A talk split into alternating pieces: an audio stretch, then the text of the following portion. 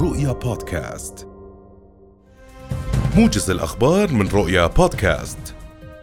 تتواصل عملية الاقتراع في انتخابات مجالس المحافظات والمجالس البلدية ومجلس أمانة عمان حيث بلغت نسبة الاقتراع حتى الساعة الثانية عشرة والنصف آه، عشرة في المئة بجميع المحافظات وفق الهيئة المستقلة للانتخاب.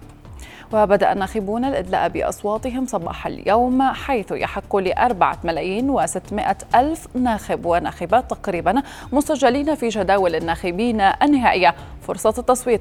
ويتنافس في هذه الانتخابات أربعة آلاف وستمائة وستة وأربعون مترشح ومترشحة للحصول على مقاعدهم في الدوائر الانتخابية المحددة.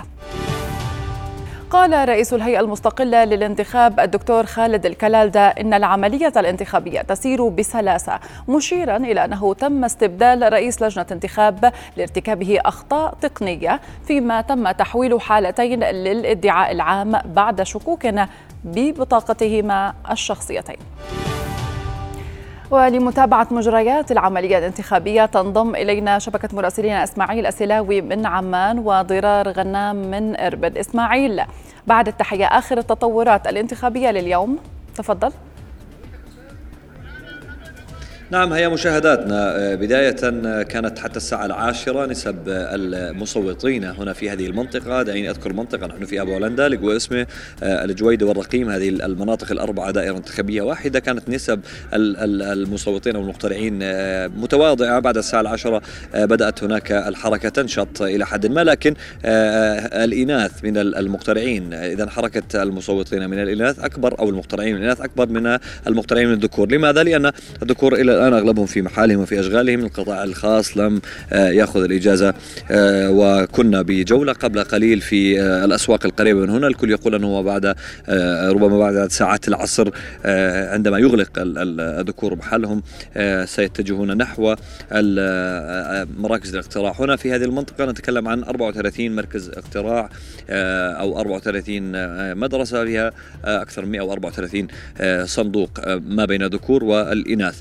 لا يوجد تجاوزات حتى الآن من قبل مؤازري المرشحين أو لم نرصد طبعا نحن وبعد طبعا أكثر من مقابل أكثر من سؤال لم نرصد أي من التجاوزات سواء داخل مراكز الاقتراع أو خارجها كما تشاهدون نحن على بوابة مدرسة أبو علندة الثانوية والتي تحوي على أربع صناديق للذكور وبجانبها مدرسة أخرى أيضا أبو علندة الأساسية للإناث فيها أربع ثلاث صناديق للإناث. إذا سبع صناديق في هاتين المدرستين. آه، يعني بدأت قبل قليل. آه، نعم هي... ننتقل معكم وصور مباشرة لرئيس الوزراء الدكتور بشر الخصاونة يدلي بصوته في أحد أو أحد مراكز الاقتراع. الآن ورشة عمل اقتصادية سينتج عنها آه، وثيقة ورؤية وطنية عابرة للحكومات وأيضا تشكيل لجنة لتطوير القطاع العام في إطار رؤية جلالة الملك لتحديث الدولة الأردنية في مئويتها الثانية. ونحن نلجأ إليها بثقة وثبات واعتزاز بما أنجزناه في المئوية الأولى من عمر الدولة. اليوم أحث كل مواطن ومواطنة على ممارسة هذا الحق الدستوري هذا الواجب الوطني والذي تقابل مسؤولية كبيرة في اختيار الأفضل والأنسب والإقبال على الانتخاب والاقتراع لأن هذا ما يقرب المواطن تماما إلى عملية صنع القرار التنموي تحديدا فيما يتعلق بالمجالس اللامركزية. وصنع القرار المرتبط بالبلديات المملكة المختلفة وهي كما تعلمون مؤسسات مستقلة. وأشجع كل مواطن أن يحكم ضميره وأن يختار الأفضل وال والأكثر قدرة على تمثيله وعلى تمثيل طموحاته في إطار برامجه. آه هذه ممارسة مركزية وأساسية. هذا امتحان آه لتجربة آه الاقتراع والإسهام في مشاركة من يمثلك في صناعة صنع القرار التنفيذي على مستوى أمانة أمان أو على مستوى البلديات أو على مستوى المجالس اللامركزية.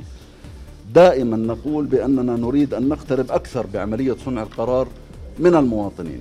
الفحص والامتحان هو الإقبال والمشاركة الفعلية ليجد من نختاره في إطار أغلبية حقيقية ومعبرة عن آه، عن آه، عن ثقة بمن يصل إلى هذه المواقع.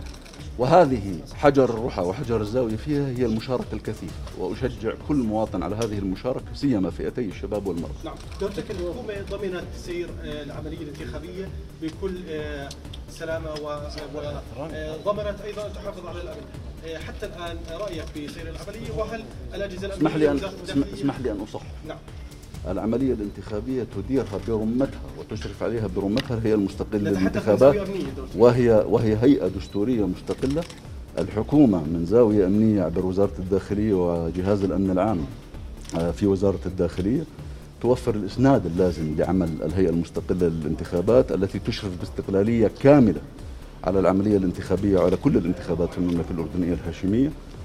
وحتى الساعة وأنا أتلقى تقارير الحمد لله أن سيرورة هذه العملية حتى الساعة هي سيرورة تليق بالمواطن الأردني وتليق بمرشحين محترمين ونسأل الله أن تستمر هذه هذه التجليات الحضارية إلى أن ننتهي من هذه المحطة. في مسيرتنا الديمقراطية. دولتك سؤال مهم جدا، الآن نتحدث عن آه، أكثر من مليون أردني يقيم بالخارج يحق لهم التصويت لكن لا يمكن المشاركة بسبب القانون. صحيح الآن امامك منظومة التحديث الحياة السياسية والإصلاح الذي يجري على مختلف قطاعات الدولة. هل سيتم تعديل هذه القوانين في المستقبل؟ وأيضا كيف سيتم التعامل المستقبل مع الانتخابات القادمة سواء برلمانية أو بلدية حول بلاغات التعطيل للمؤسسات بما يخص القطاع الخاص؟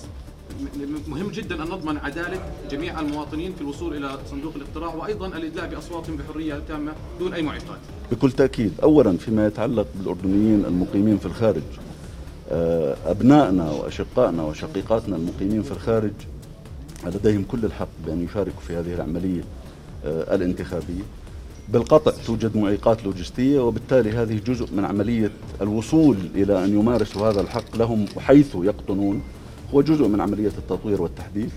لا يوجد الآن هذه المكنة القانونية والمكنة اللوجستية بسبب عدم اكتمال البنية التحتية الكفيلة واللازمة بتأمين هذه المشاركة ولتظل هذه المشاركة في إطار الحيدة وإطار الكفاءة المطلوبة والحيدة المطلوبة في ممارسة الحق الانتخابي والعملية الانتخابية بعيدا عن أي أوجه خلل.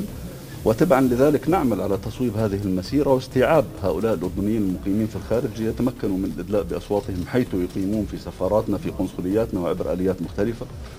إلا أن هذا الأمر أمر تدريجي ويتطلب بناء قاعدة لوجستية وأمن سبراني يسمح لهم منظومة أمن سبراني تسمح لهم بالمشاركة ومنظومة لوجستية لو كانت عبر عبر إرسال أوراق تسمح لهم بالمشاركة. لا توجد لا يوجد إطار قانوني ناظم لها بعد. ولكن بالقطع بالتدريج سنصل إلى هذه النقطة وإلى هذه المحطة بدون أدنى شك. فيما يتعلق بالانتخابات القادمة الانتخابات القادمة النيابية آه، ستجري آه، بناء على قانون الانتخاب الجديد. طبعا وهذا القانون لم يناقش بعد في مجلس النواب سيناقش في مجلس النواب آه، خلال خلال الشهر القادم بإذن الله. ونأمل ونسعى إلى أن يقر قبل أن تنتهي أعمال هذه الدورة العادية لمجلس النواب.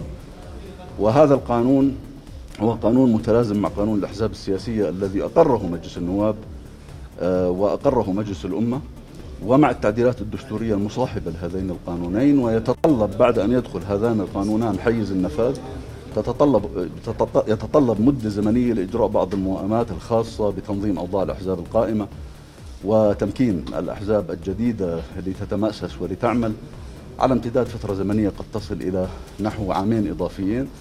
ليصار بعدها إلى إجراء هذه الانتخابات ولتكون مخرجات هذه الانتخابات للمرة الأولى متوائمة مع وجود قائمة وطنية حزبية في المجلس الأول يرتفع عددها بعد ذلك في في الدورة الانتخابية التالية لهذه للدورة التي تعقب هذين العامين إلى 50% ثم إلى حوالي 65% لتمثل الأحزاب السياسية والكتل الحزبية آه، وصولا إلى محطة وجود برلمان به حقيقة أغلبيات حزبية وبرامجية. تستطيع أن تعكس برامجها على إدارة الشأن العام. نعم وما يخص التنسيق مع القطاع العام بخصوص بلاغات العطل في مثل هذه الاستحقاقات الدستورية. هذه ليست عطلة. هذا يوم يمارس فيه حق انتخابي وبالقطع القطاع الخاص من منطلق مسؤوليته الوطنية المعهودة قادر على تخصيص ساعتين أو أكثر لكل من يعمل في القطاع الخاص للإدلاء للراغب بإدلاء هذا الحق ويجب أن يكون كل شخص أردني راغب بالإدلاء بهذا الحق. ولكن بطبيعة الحال في كل الدول لا يتم تعطيل عجلة الإنتاج العام لممارسة هذا الحق. يفرض من قبل القطاع الخاص ساعة أو ساعتين للسماح للموظفين الذين يحق لهم الانتخاب بأن يمارسوا هذا الحق. وأنا واثق انه قطاعنا الخاص يمكن العاملين في ممارسة هذا الحق دون المساس بالعملية الإنتاجية. شكرا لكم. شكرا جزيلا. نعم نعود إلى مؤتمر صحفي لوزير الإدارة المحلية توفيق كريشان ورئيس الهيئة المستقلة للانتخاب آه، خالد الكلالدي في المركز الإعلامي للهيئة المستقلة للانتخاب. بلد كنا عارفين بعض وما في أي مشكلة بإذن الله راح تحصل في هذا الموضوع. فيما يتعلق بالسؤال أخي سلطان حول موضوع التوزيع هل بدي اوزعها قطاعات؟ لا مش قطاعات. قطاعات أصلا ممثلة بدون هالواسطة. أنا عندي عضو من غرفة التجارة وعضو من غرفة الصناعة وغرفه من اتحاد المزارعين وعضو من شو اسمه المرأة ممثلة. أكثر فئة ممثلة هي المرأة. المرأة لها 25% بموجب القانون بالإضافة إذا ما بتجيب أصوات. يعني هذا بالدور أنا وأنا ألوم المرأة الآن أنه الآن لما بلاحظ المرشحات في المجالس البلديات وفي ملاجئ المحافظات عدد لا يذكر يعني حقيقة. والإقبال منهم بالنسبة للانتخاب. فيما يتعلق بعملية السؤال اللي سألتني إياه عملية النسبة النسبة النسبة اللي بدنا نحسبها إحنا وأنا يمكن حكيت أنا وأخي خالد وجاوبني وقتها قال إحنا آه، للشفافية والنزاهة إحنا بنأخذ عندي أنا 4 مليون و600 ألف مسجل للانتخابات. نهاية هذا الموجز لمزيد من التفاصيل ولأخبار أخرى زوروا دائما موقع رؤيا الإخباري رؤيا نيوز دوت تي في واطبقوا رؤيا الإخباري المتاح على Google Play App Store و Huawei AppGallery. رؤيا بودكاست.